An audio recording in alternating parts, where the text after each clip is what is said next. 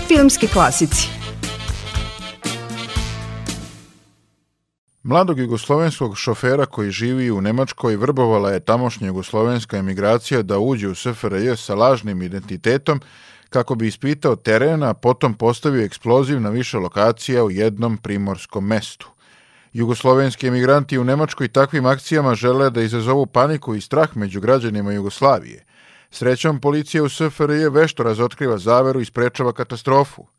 I pored srećnog kraja, u poslednjoj sceni lovca protiv topa, otkucava sat. Kazaljke pokazuju da je 5 do 12.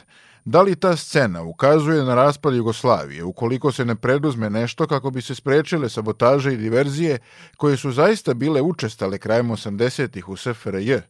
Kako Siniša Pavić kaže, i uprkos svemu što se događalo, on nije verovao da će doći do raspada države. Što se tiče lovca protiv topa, ja sam to radio prosto, to je, uh, mislim da mi je to predložio sam Sava Mrmak, je to bio opet jedan slučaj.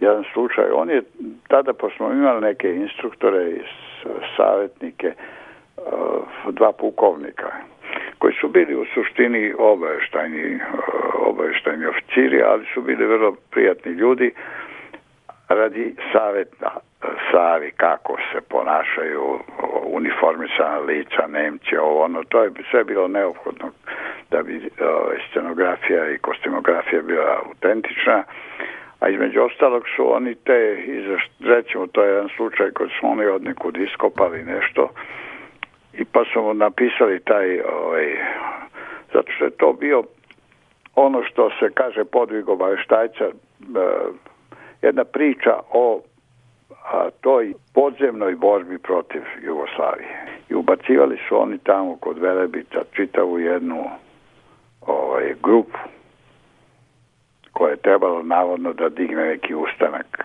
da potpali tamo neki ustanak u Lici i tako da Pa smo povodom toga snimili taj tog lovca protiv topa. Diverzanskih napada u Jugoslaviji bilo je i ranije. Mnogima je u sećanju ostao bombaški napad u bioskopu 20. oktobar za koji je optužen Miljenko Hrkač.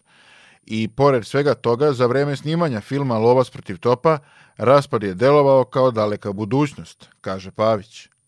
U to vreme ja sam pisao bolji život. Ne može se reći da sam ja pisao bolji život predviđajući kako će se to ovaj, odvijati dalje, kada, šta će se desiti sa nama. Boris Postnikov, e, zagrebački jedan kritičar, mislim da je mlađi čovjek, on je napisao jedan gotovo esej o boljem životu, bio je objavljen u, u prilogu ovaj, Blica, imali života posle, imali boljeg života posle smrti Jugoslavije. Tako je on napravio uh, taj esej.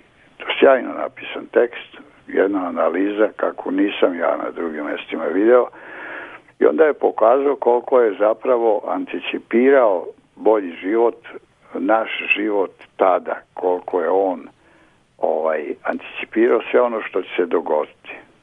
Do onog onih pet vojnika koji se na kraju razila se, svađaju se u vojsci oko, oko, ovaj, oko toga koju pesmu će da sviraju dakle do najsitnijih onako ovaj povoda za sukob. To je sve bilo tada delovalo kao neki futurizam.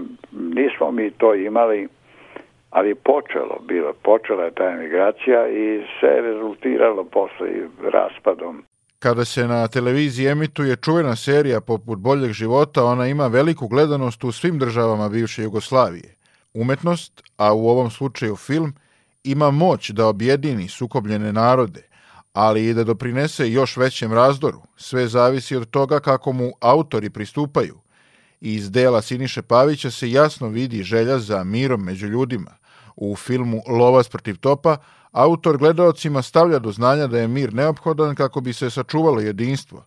Težnju za jedinstvom, uprkos svim razlikama, Pavić je možda najbolje izrazio u sceni kada muzički sastav u boljem životu zajedno odlazi na turneju. Nažalost, većina ta dela i te scene nije shvatila kako treba i sada smo tu gde jesmo. Filmski klasici